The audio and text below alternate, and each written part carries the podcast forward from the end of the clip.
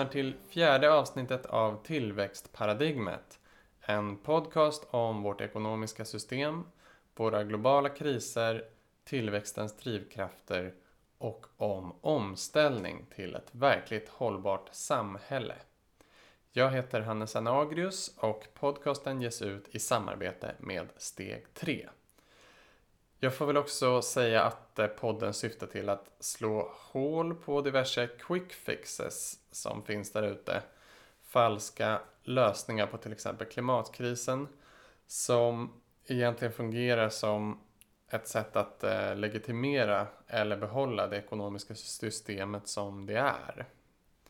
Men först och främst så kommer det här avsnittet handla om att mäta välfärd och framgång i samhället och om samhällsmål bortom BNP-tillväxt. Eh, det blir ett dubbelavsnitt om det här ämnet. Eh, I det här avsnittet hör vi ett samtal jag hade med Sofie Gripenberg. Och i nästa pratar jag med Anna Rosengren. Då kommer vi in på bruttonationallycka. Ett holistiskt mått från Bhutan som Anna förespråkar genom eh, föreningen GNH Sweden som står för Gross National Happiness. Då. Sofie Gripenberg, som vi kommer höra i det här avsnittet, eh, jobbar som hållbarhetsansvarig på Röda Korset Sverige och gick förut samma masterprogram som jag på Stockholm Resilience Center. Hon har jobbat mycket med hållbarhetskommunikation, håller i presentationer och skriver mycket om mentalt välbefinnande och hållbar livsstil på sin eh, välföljda Instagram. Hon har en dubbel kandidat i nationalekonomi och utvecklingsstudier och undersökte i sitt masterprogram just olika välfärdsmått. Hur väl dessa stämmer överens med FNs globala mål, Sustainable Development Goals, SDGs, samt om eh, de utgår från ett socioekologiskt perspektiv. Men innan vi går in på samtalet om välfärdsmått och samhällsmål tänkte jag prata lite om klimatkompensering. Det här fenomenet har uppmärksammats mycket i en väldigt bra reportageserie av DN.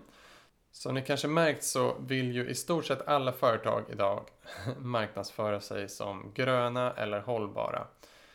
Det tyder väl delvis på att det finns en efterfrågan hos konsumenter på att produkter inte ska vara destruktiv, destruktiva för miljö och människor. Men också ser jag det som att reklamen fungerar som lite som en filt som ska lägga sig över allt tvivel om att konsumtionskulturen och vår livsstil kan fortsätta som vanligt. Konsumenter kanske frågar sig, kan verkligen konsumtionen bli hållbar utan att förändras i grunden?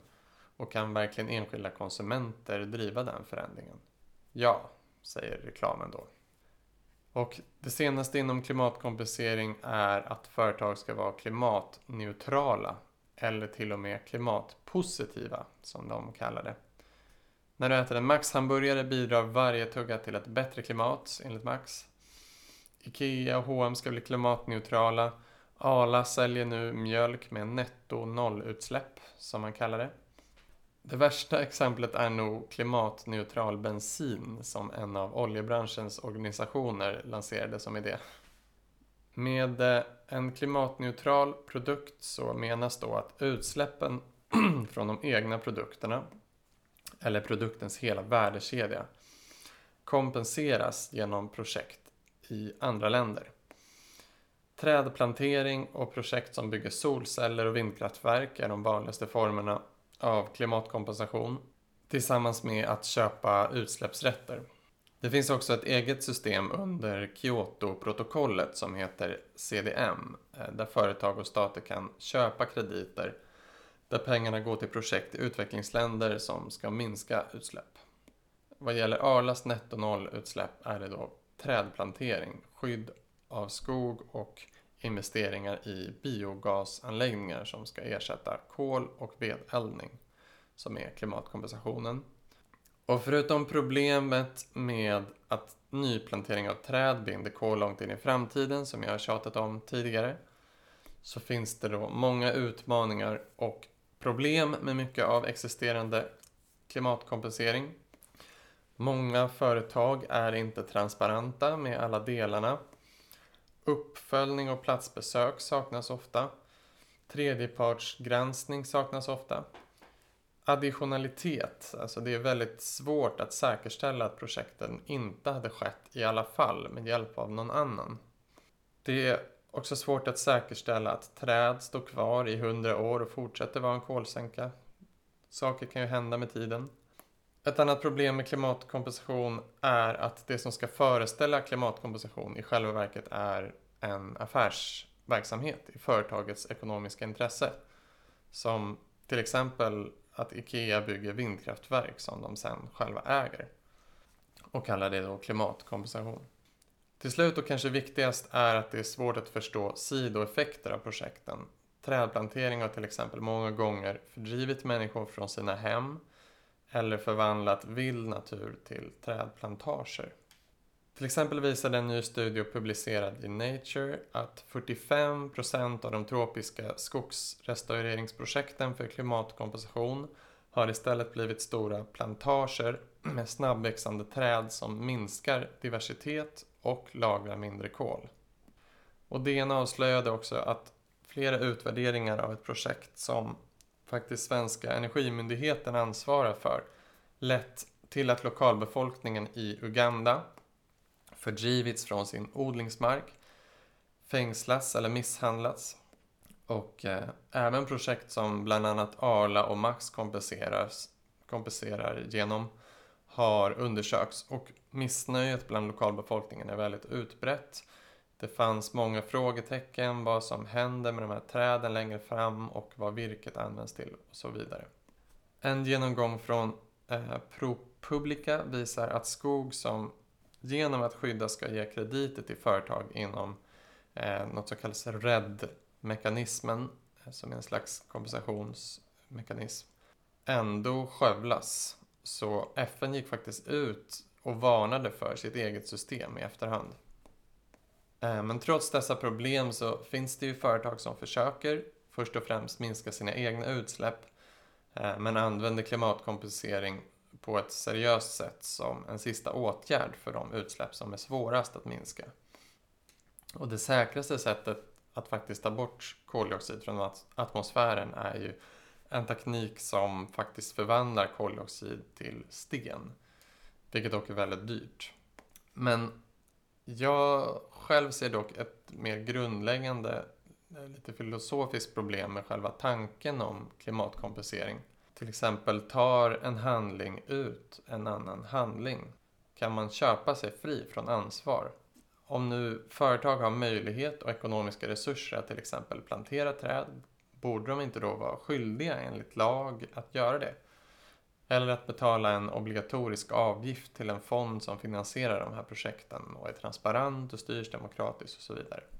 Är det verkligen hur mycket pengar man har möjlighet att spendera på klimatprojekt som avgör hur positiv effekt man har på klimatet? I så fall kan ju en miljardär som flyger jorden runt en gång i veckan i sitt eget jetplan typ eh, äter entrecoter med doppade i palmolja och tigerräkor och så vidare eh, kallas en klimathjälte så länge han skänker en liten, liten del av sin förmögenhet till klimatkompensationsprojekt. Och det är egentligen inget orealistiskt exempel. Eh, det är en studie av kända multirika personers flygvanor visade att kändisar som till exempel Bill Gates, Paris Hilton, Jennifer Lopez eh, deras flygande släppte ut upp till 16 000 gånger mer än en genomsnittlig person i världen. Mest tack vare att de flög så mycket privatjet då. Och det vore ju inte så svårt för de här personerna att skänka lite pengar för att kompensera bort de här utsläppen. Men frågan är, är de fria från ansvar för det? Så jag ser mer att en hållbar omställning skulle istället tvinga företag och alla individer att ställa om så att de inte behöver klimatkompensera.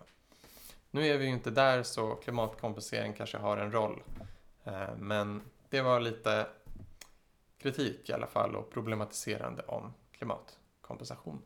Nu går vi in på mitt samtal med Sofie om olika välfärdsmått.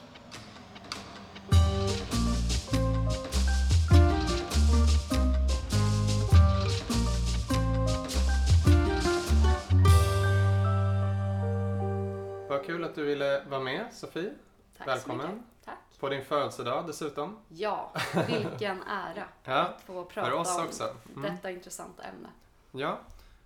Vill du berätta lite om vad du gör just nu på Röda Korset och sådär? Ja, precis. Eh, Jag jobbar i vanliga fall som hållbarhetssamordnare på Svenska Mm. Röda Korset, vilket gör att jag ansvarar för det övergripande hållbarhetsarbetet. Mm.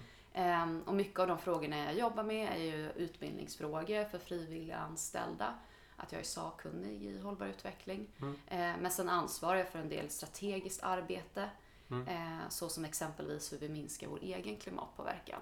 Så jag jobbar väldigt mycket med vår interna hållbarhet. Mm. Och inte så mycket de verksamheter som vi bedriver som kanske i sin tur egentligen bidrar till hållbarhet ute i samhället. Mm. Men utan det handlar mer om en metod, hur vi kan göra det på ett hållbart sätt. Förstår. Och är man eh, van att tänka i liksom lite mer ekologiska termer i en or- organisation som Röda Korset? Ehm, ja och nej. Mm. Jag, jag tror att eh, i och med att klimatkrisen ligger ju extremt nära vårt arbete med kris och katastrofer så finns det ju en hög medvetenhet i klimatfrågan. Mm. Ehm, Men däremot när man jobbar väldigt mycket sociala frågor så kommer man ju kanske inte lika mycket kontakt med Mm. frågor som har mer miljömässiga eller ekologiska. Så att det finns ju en klimatmedvetenhet, absolut. Och där Mm. finns det ju kollegor som jobbar ute i de fält och de områden där människorna drabbas värst. Mm. Ehm, Så därför har det ju också varit på så vis ganska tacksamt att, att arbeta med att minska vår klimatpåverkan. För Mm. man, man ser det som en väldigt viktig, eh, viktig fråga helt enkelt. Att det här är ju, vi måste göra det vi kan för att minska våra utsläpp. Men abs- att driva ett hållbart miljöarbete är ju svårt. Sen Mm. I ett hållbarhetsarbete, oavsett om det är ett företag eller organisation, så gör du en väsentlighetsanalys för att titta lite på Mm. vilka frågor är relevanta för oss. Dels ut efter vårt varumärke, men också dels ut efter vad vi har störst påverkan. Mm. Eh, vi har ju ingen produktion. Mm. Eh, vi har ju inga större höga inköp av materiella resurser på det sättet. Mm. Eh, så därmed blir ju vår eh, arbete med den miljömässiga biten nästan bara uteslutande klimatfrågan. Okej. Mm. Vi kommer ju prata en del om, eh, om olika mått och Ja. mål och så. Mm. Och jag tänkte, är det något som är viktigt i ditt arbete liksom att ha indikatorer som går att mäta och mål som man kan Mm. följa upp liksom? Jag tänker mig inom en organisation Ja, att jag, det är det. man pratar ju mycket om smarta mål, alltså Mm. att det ska vara att, eh, mätbara och sådär. Ehm, jag tror det kan vara väldigt viktigt i ett hållbarhetsarbete att det, det första nästan att definiera vad menas med hållbar utveckling för oss. För att det är ett ganska stort, eh, brett begrepp. Ja. Så på någonstans måste man definiera det. Eh, och därefter måste man ju sätta upp konkreta mål då. Mm. Om vi vill bli en hållbar organisation, vad menar vi med det? Mm. Och att den då har en, tids, en tidsram. Sen behöver inte det betyda att vi ska hitta specifika indikatorer inom allt vi gör. Nej, För vissa saker är inte alltid särskilt mätbara. nej. Och vissa saker är heller inte riktigt relevant att lägga tid och resurser på för att mäta.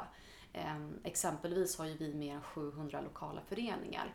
Och den, de byggs ju av frivilligheten och där mäter vi ju vilka verksamheter vi gör, hur mycket människor får stöd och hjälp och sådär. Mm. Men att jag skulle lägga ut ytterligare frågor kring hur mycket bil kör ni, det, det kanske inte är så här jätterelevant utan däremot kan vi kanske följa upp eh, andel, antal människor som har nåtts av en viss utbildning. Mm. Så att det finns, jag tror att det finns en begränsning i Mm. Beroende på vilken typ av verksamhet det är. Mm. Byggs det på frivillighet så, så tror jag inte att vi ska vara lika hårda med mäta och följa upp på det sättet. Nej. Och en Eh, del eh, liksom, aktiviteter man gör, jag tänker generellt nu, ja, kan ju ha många positiva bieffekter. Eller ja, liksom, exakt. s- ehm, vad, vad kallar man det? Ehm, eh, synergi, synergier liksom, ja. Så, som man kanske är medveten om men som man kanske inte hinner mäta. Liksom. Ja, för vi har ju det som kallas lågt hängande frukter och vi har Mm. signalvärden. Eh, Men sen i vår hållbarhetsrapport så har vi ju vissa specifika indikatorer. Mm. Men där är det ju också väldigt svårt att veta, till exempel när det gäller antikorruption, Mm. att, att rapportera antal korruptionsfall säger ju egentligen ingenting om Den verkliga korruptionen. Nej, för det kan Nej. ju vara att du har ju ökat andel, alltså det kan ju vara att du har spridit information om hur Mm. en whistleblower-funktion funkar. Så att man får in mer anmälningar. Men det behöver ju inte betyda att korruptionen har ökat. Nej. Så att det, det är lite problematiskt med måtten. Men vi har en, handlings, en ny handlingsplan som, som, eftersom att den förra har vi redan nått. Ja. Och den har ju fem mål och flera delmål. Mm. Och där är ju några som är väldigt specifika som typ CO2 och sådär. Mm. Medan andra är lite mer vaga och kanske Mm. inte lika kvantitativa. Okej. Vi Vad ska kommer vi mäta in- egentligen? Vi kommer komma in lite på liksom, dels vad, vi ska, vad man Ja. ska mäta och Ja. sen eh, dels vad vi strävar efter i samhället. Exakt. Och, eh, om vi, och då relaterar vi lite till det traditionella måttet BNP. Och vi pratade lite i förra avsnittet om att BNP eh, ofta beskrivs lite som ett allmänintresse. Liksom alla tjänar på tillväxt eh, Mm. eh, utan att nyansera det särskilt mycket. Och vad skulle du säga liksom, det finns ju mycket kritik kring Mm. BNP, men vad Mm. är liksom, vad tycker du är det mest opassande med BNP som ett välfärdsmått? Mm. Nej, men det, är ju, det, det är ju flera saker. Vi, många tar ju upp oftast den miljömässiga biten. Att Mm. vi, vi har en ökad tillväxt men att vi eh, verkligen förstör möjligheterna för framtida generationer att ha, ha det lika bra som oss. Och att eh, det gjorde jag faktiskt redan när jag läste nationalekonomi som B-uppsats. Att det var min första regressionsanalys. Det var Mm. BNP-tillväxt i relation till CO2-utsläpp, både i antal ton och per capita. Mm. Men jag tycker att det finns också en dimension som har att göra med rättvisa eh, och eh, ökad inkomstklyftor. Där vi Mm. vet att ökade inkomstklyftor gör att nivån av det som kallas life satisfaction, Mm. så att, att människor är nöjda med sin tillvaro, att det, där finns det en relation som säger att ja, ju mer högre inkomstklyftor vi har, desto färre människor känner sig tillfredsställda med sitt liv. Mm. Och BNP, du kan ju ha en stark tillväxt i ett samhälle, men det säger ju ingenting om hur det har fördelats.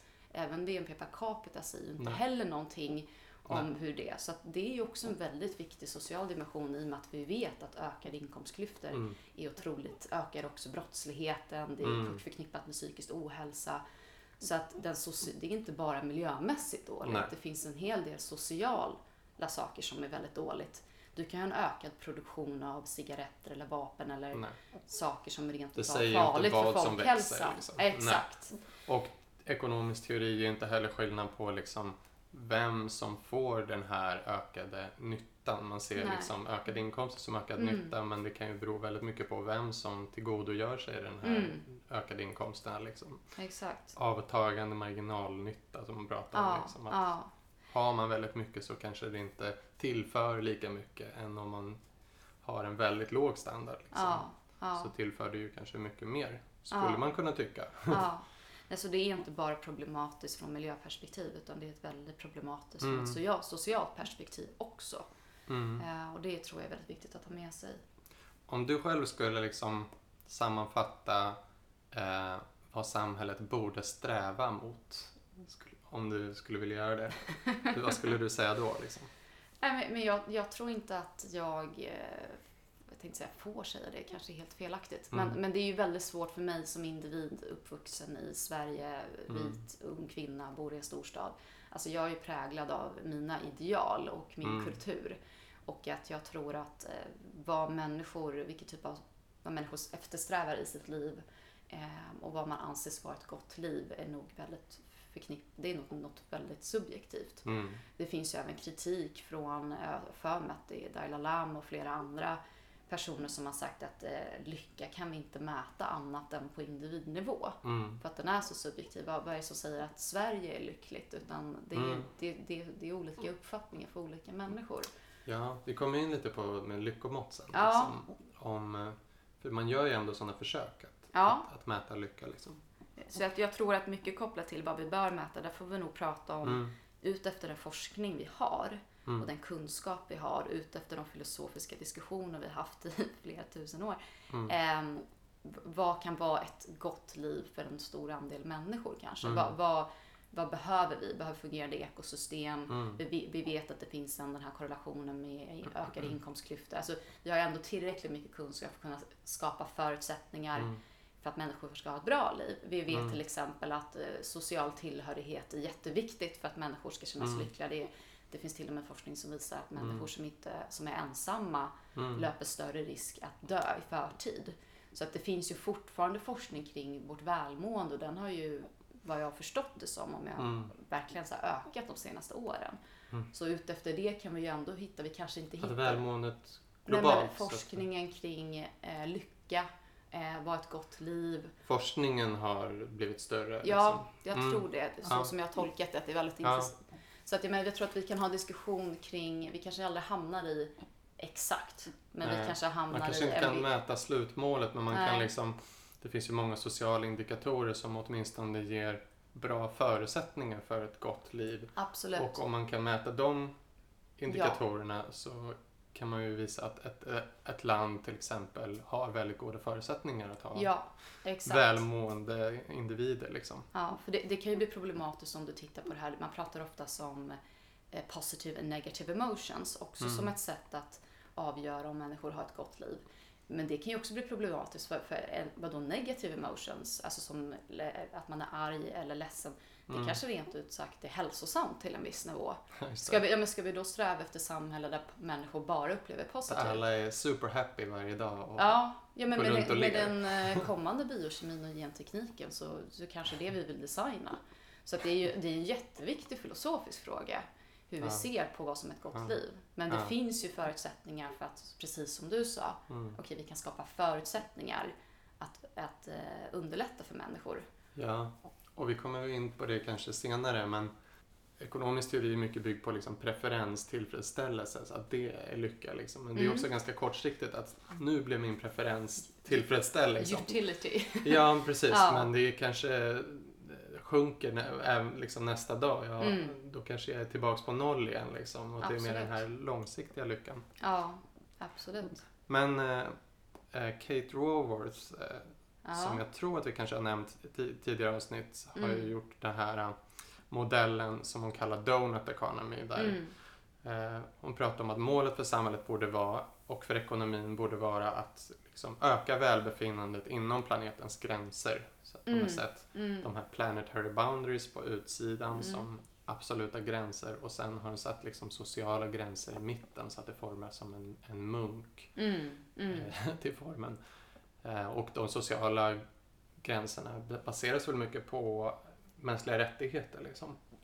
Ja, när jag lyssnade på ett seminarium med henne så förstod jag det som att hon hade varit väldigt mycket i olika forum med FN och olika politiska Mm. diskussioner och lyssnat på olika organisationer för att på något sätt kartlägga, men vad är det människor egentligen eftersträvar? Vilken värld vill vi skapa? Mm. Och det var så hon tog fram den här Social Donut. Så när, Mm. eh, när det här ramverket med planetära gränserna kom så tyckte hon att, ja men gud, helt perfekt, för då har jag någonting att sätta min donut i. Just det. Ehm, och det, det, det, ju, det finns ju inkomst där också. De pratar om vatten, hälsosamt vatten, de pratar om hälsa, Mm. eh, fredliga samhällen, en Mm. politisk röst. Mm. Så att det är ju ett, ett, ett, hon har gjort en, liksom en samling ut efter vad hon har hört i de här diskussionerna. Vad är, Mm. vad är det för typ av samhälle vi vill leva i? Mm. Eh, och sen är hon en otroligt skicklig kommunikatör. Ja, så hon verkligen. har ju verkligen nått Mm. Det finns ju ganska många sådana här ramverk. Mm. Och hon är ju en av de starka rösterna för att hon är duktig Mm. på att kommunicera det här Hon är utåt. väldigt pedagogisk. Liksom. Mm, kan rekommendera hennes eh, presentationer av det här. absolut. Men vi har ju liksom, enligt hennes sätt att se ett underskott både på det sociala området och det ekologiska. Liksom. Vi övers, överskrider de ekologiska Mm. gränserna samtidigt som folk inte har tillräckligt med eh, vatten och elektricitet och så vidare. Ja, och att det optimala är ju då att folk får tillgång till rent vatten som Mm. ett socialt eller humanitärt behov. Ja. Och vi inte gör det på, på bekostnad av planeten. Så det här är det här äh, säkra tillståndet, Säkra utrymmet. manövreringsutrymmet. Ja.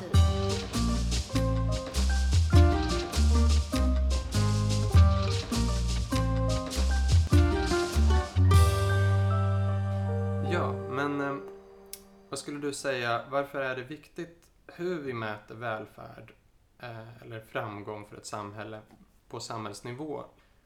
Leder mer holistiska mått till att beslutsfattare fattar mer hållbara beslut, tror du?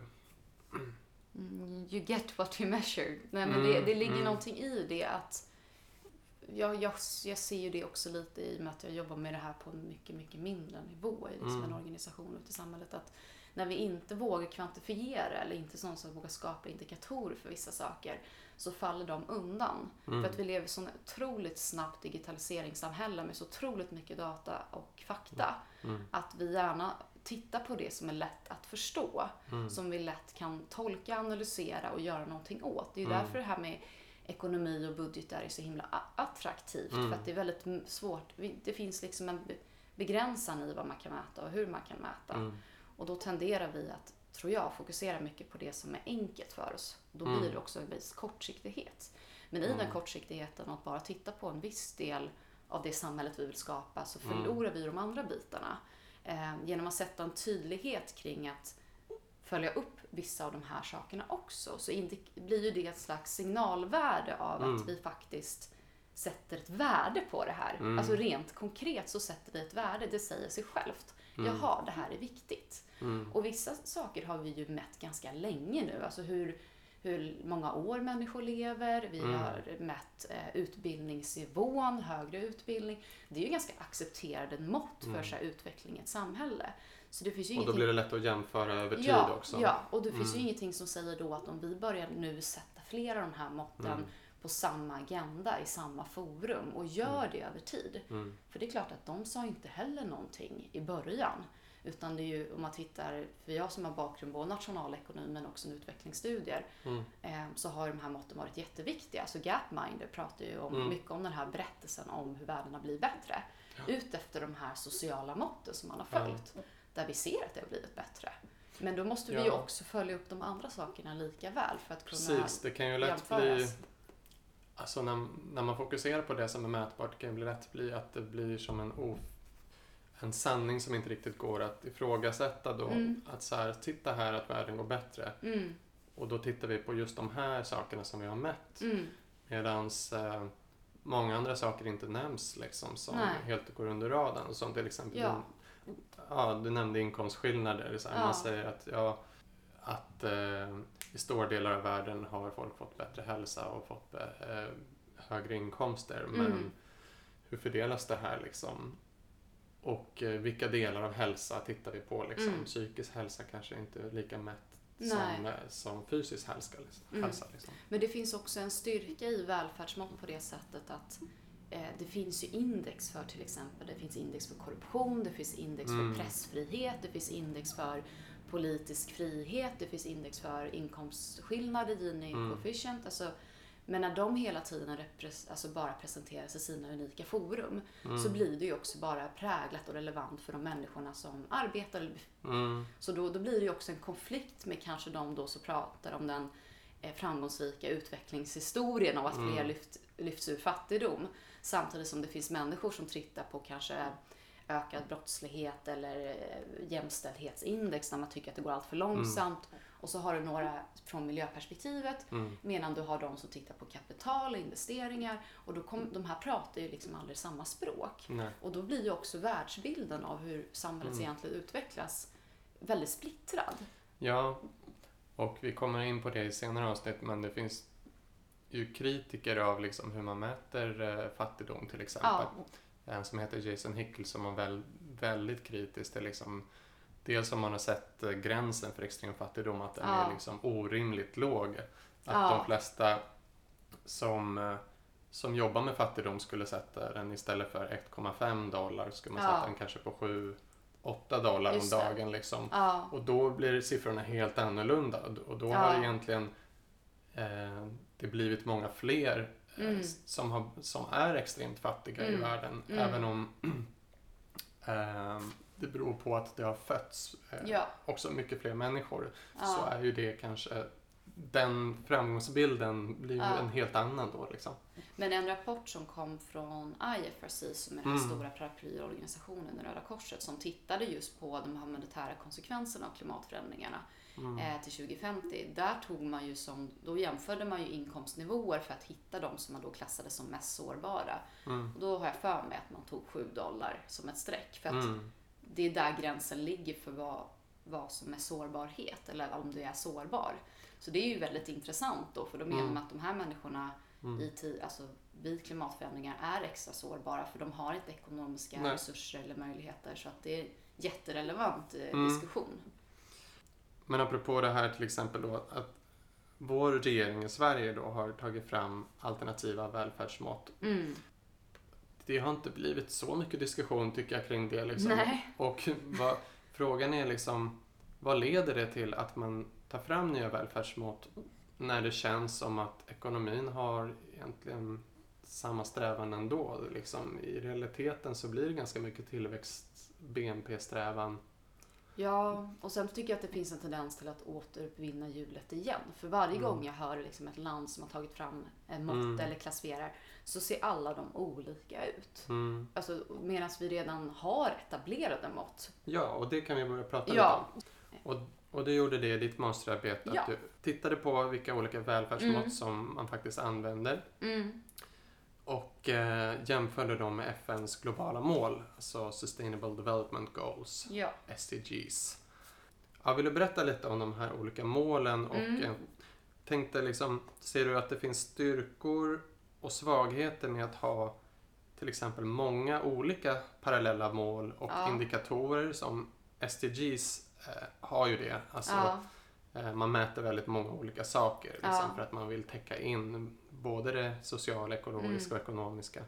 Respektive att ha liksom, kanske ett mått som försöker sammanfatta allt i en siffra liksom, för att Mm. kunna få Mm. jämförbarhet. Jo, Hur ser du på det? alltså jag gjorde ju det här som en del av min masteruppsats när jag Mm. studerade på Stockholm Resilience Center. Och Mm. när jag gjorde min litteraturstudie och samlade vad, vad finns det inom det här Mm. så kom jag över ungefär 26 olika mått.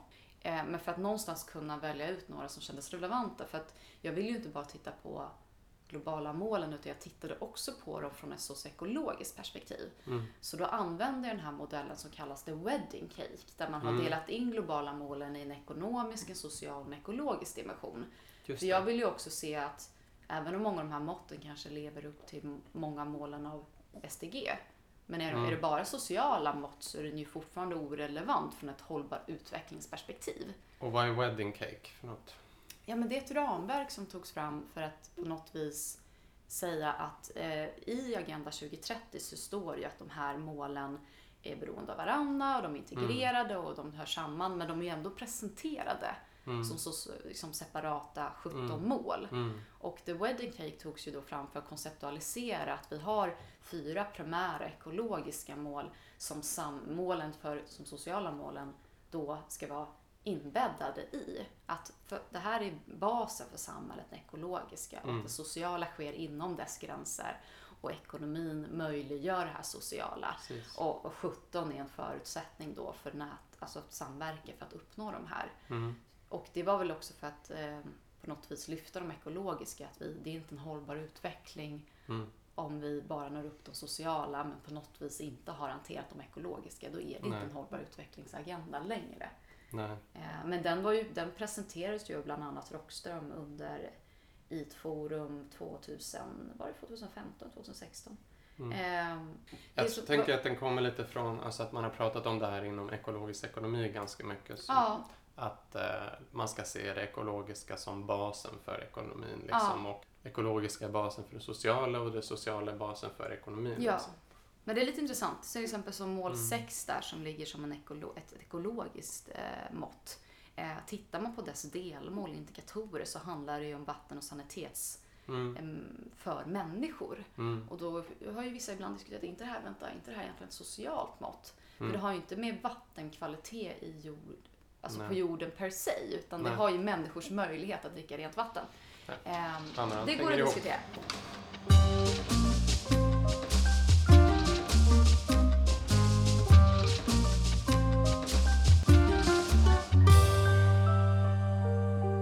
Men, Men, eh, eh, vilka mått, eh, eller välfärdsmått var det du tittade på då? Liksom, Ja. Var det några som var speciellt intressanta? Ja, jag försökte välja ut eh, mått som liksom båda hade alla de här tre dimensionerna då, så att de, Ja. de på något vis hanterade alla. Ehm, och sen så valde jag, det var nästan, jag tror jag valde sju stycken som jag tyckte passade på. Det fanns något ekologiskt, något socialt och något ekonomiskt.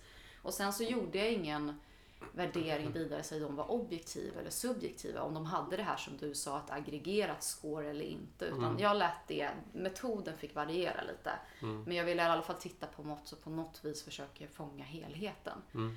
Ehm, Så det var, det var flera stycken som jag använde.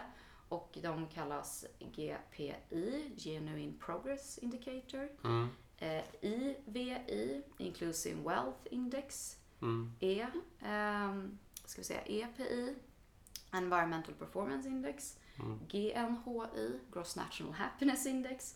Och så har vi SSI, eh, Sustainable Society Index. Och så har vi SP, Social Progress Mm. Index. Och BLI, Better Life Index. Okej. Så att Ja. jag studerar de här olika.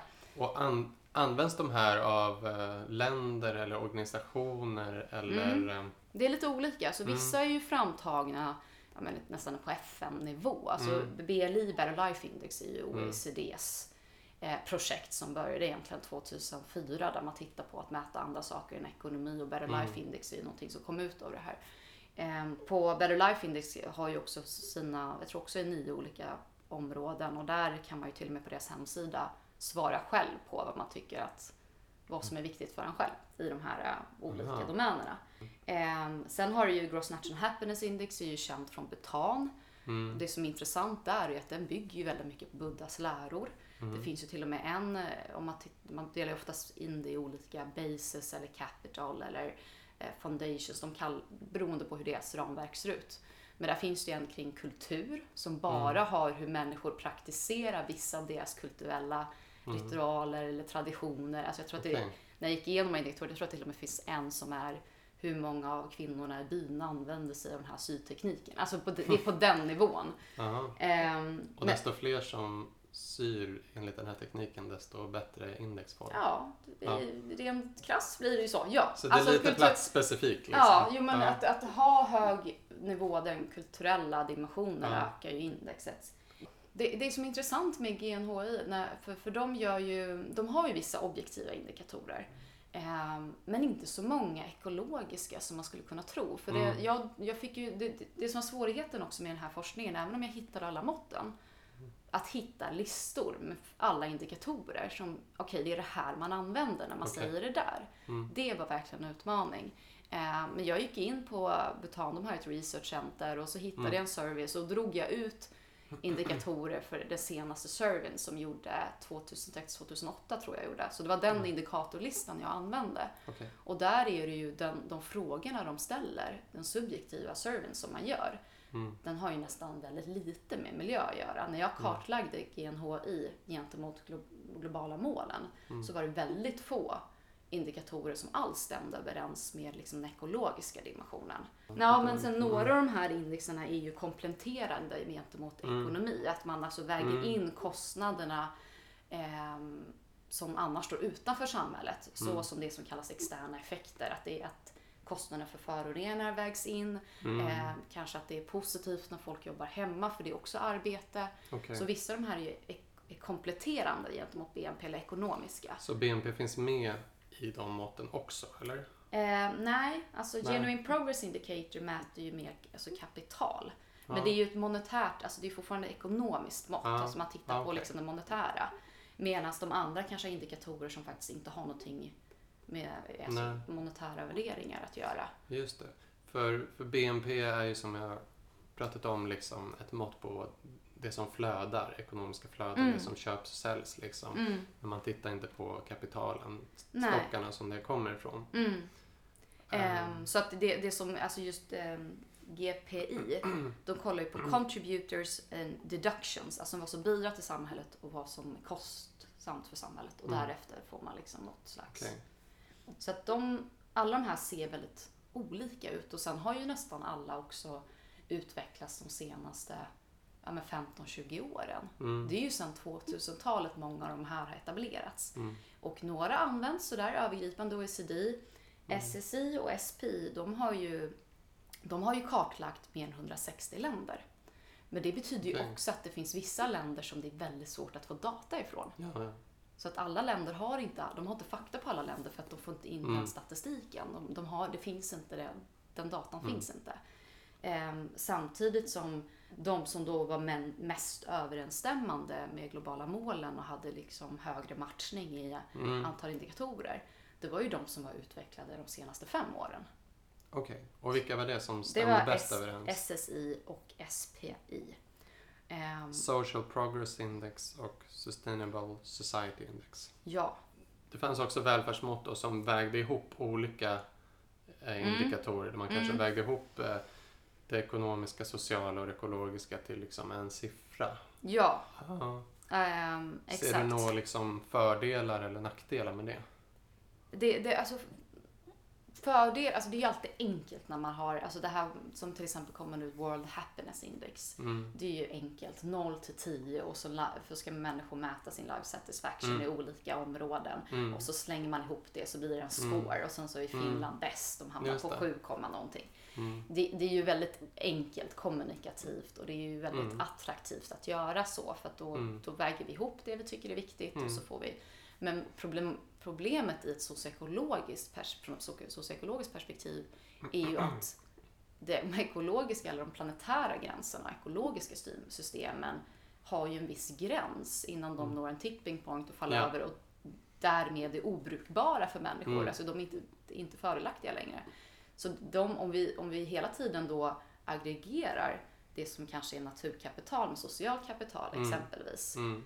då riskerar vi ju också att överskrida Precis. planetära gränserna. Vi får ett väldigt högt score för att vi, vi gör Mm. bra ifrån oss i, den, i det sociala kapitalet. Och då Mm. har man ju tappat poängen med Mm. hållbar utveckling. Ja, För vi måste befinna oss Mm. inom planetära gränserna. precis. Och det är väl en sån liksom vanlig föreställning som lite kommer från ekonomiska tänkandet att allt går att byta ut mot Ja. något annat. Liksom. Ja, Att ja, ja, men vi fick lite mindre natur men vi fick ju bättre hälsa. Ja, Ja, men vi, alltså, vi fick lite fler produkter och materiell, högre materiell standard men vi har ingen skog kvar. Liksom. nej. Och så missar man lite grann var kommer det här välståndet ifrån. Liksom.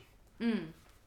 Så det, det, det är verkligen problematiskt på det sättet Mm. att eh, tar, vi fram, tar vi fram ett score som ska mäta hållbar utveckling då, då, då har vi någonstans missat att vi, vi kan inte kompromissa med naturen. När man tittar på att mäta hållbar utveckling då handlar det verkligen om så här, hur kan vi sätta de här ramarna för Mm. hit men inte längre, här går gränsen Ja. och inom det tillståndet skapa eh, Ja. utveckling. Och så tänker jag också att, att, att det inte är helt jämförbart. Alltså att man skulle kunna se till exempel det sociala mer som, som det faktiska målet. Liksom. Om vi Mm. nu tittar ur Mm. människans perspektiv. Sen kan man ju Mm. Vidga det och, och titta på liksom hur mår våra djur liksom, Ja, och, sen, och, ja. och naturen i sig. Men om vi Mm. ska titta på människan, ett Mm. antropocentriskt perspektiv, liksom, Mm. så tänker jag att det sociala är ju faktiskt det vi vill åt, målen. Men sen måste det ha en långsiktighet och därför är liksom det ekologiska förutsättningen Exakt, medan ekonomin, det är ju bara ett verktyg för att nå det Exakt. sociala. exakt. Så att man, det är liksom olika saker. Ja.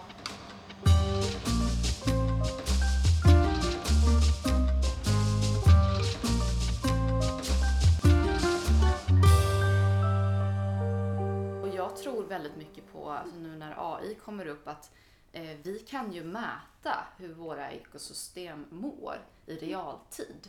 Det finns ju en del projekt där man Mm. har sensorer till exempel i regnskogen som Mm. hela tiden tar in data Mm. för hälsan i det här ekosystemet. Mm. Så att vi skulle ganska enkelt med modern teknik kunna Mm. hela tiden veta hur, hur våra ekosystem mår. Mm. Och skulle man mata in den datan i ett verktyg, ett AI-verktyg, som samtidigt samlar data i den sociala dimensionen, Mm. så skulle det kunna, alltså genom data hela tiden, alltså skapa en, vad säger man på svenska, monitoring vill jag säga, men att man reglerar samhället ut efter att okej, Ja. här, för att, för att det är så komplext. Men AI kan Mm. göra den. Det är, istället för att göra en enkel regressionsanalys Ja. så är den liksom en multi-multi-regressions eh, konstant systemanalys Ja, över det hur låter det här... svårt. Men, men det skulle vara coolt att, att eh, ha ekologi nytt liksom, eh, där istället för att du ser hur börsen går upp och ner så ser Ja. du liksom hur ekologin går Ja. upp och ner.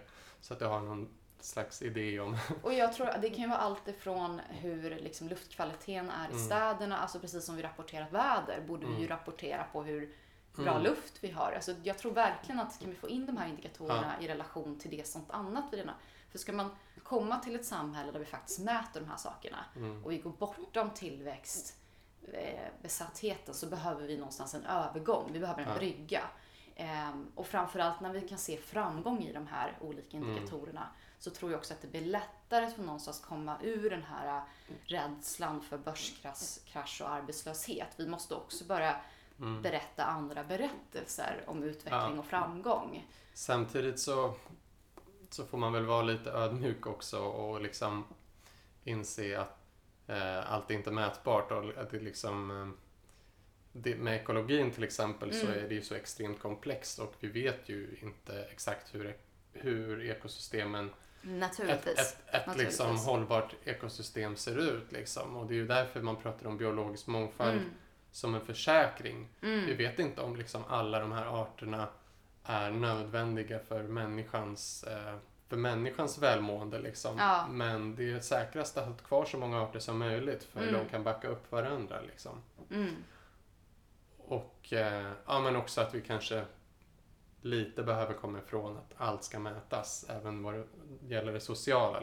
Jo men det, det, det är ju både och. Det finns Ja. ju saker som inte går att mäta. Men jag tror någonstans måste vi också inse att alltså, idag samlar de stora techbolagen data och Mm. liksom redan, vi är redan hackade som individer där vi Mm. ständigt matas med information Mm. baserad på data.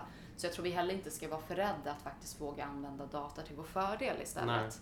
Men jag har faktiskt ett, ehm, jag avslutade min uppsats med när jag jämförde de här måtten och diskuterade med ett citat från Costanza som är Mm. från 2015 där It is better to be approximately right than precisely wrong. Just det.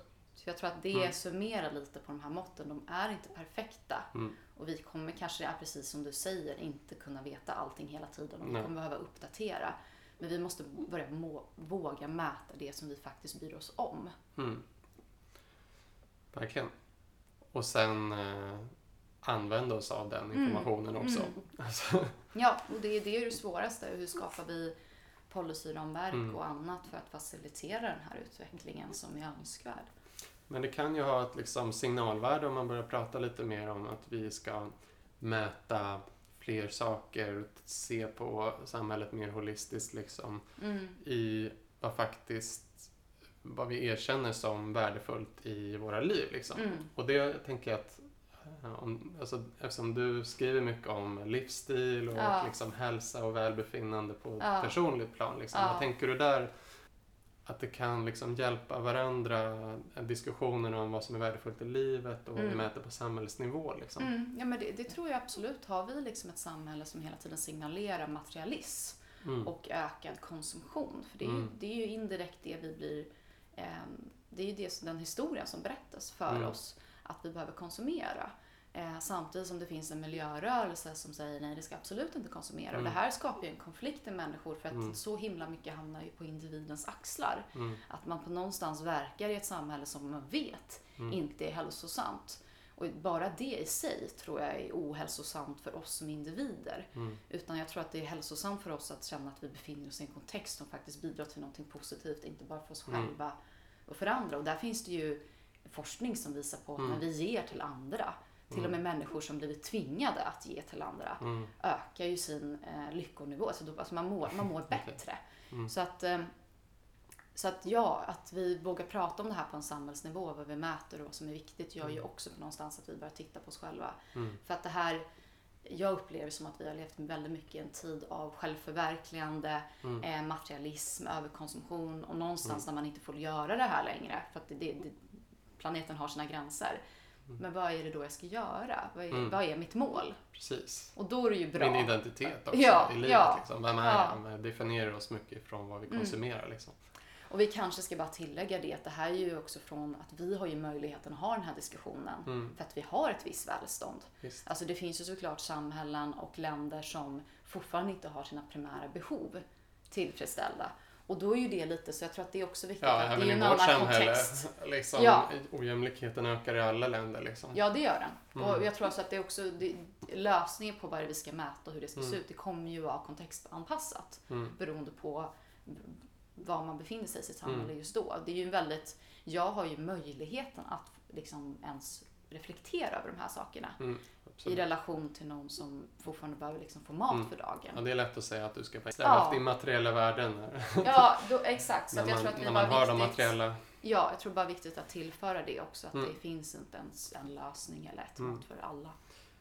Precis, och det här, det här får vi prata mer om helt enkelt. Ja, Eh, det finns I kommande avsnitt liksom, med Ja. värderingar och eh, vad vi strävar efter och så. Men det är Mm. jätteintressant. Ja, verkligen. Tack för att jag fick vara med. Det är Mm. väldigt roligt att kunna, när man suttit och nördat in sig i någonting Mm. i flera månader, att få eh, berätta lite om vad man har gjort. Kul. Mm. Tack för att jag fick komma. Tack! Och det var det första av två avsnitt om alternativa välfärdsmått. Och i nästa avsnitt så fördjupar vi oss i bruttonationallycka i ett samtal med Anna Rosengren från GNH Sweden. Så missa inte det. Följ gärna Tillväxtparadigmet på Facebook och Instagram och skriv gärna omdömen, frågor eller synpunkter. Till exempel till tillvaxtparadigmet at gmail.com. Simma lugnt så länge. Hej hej!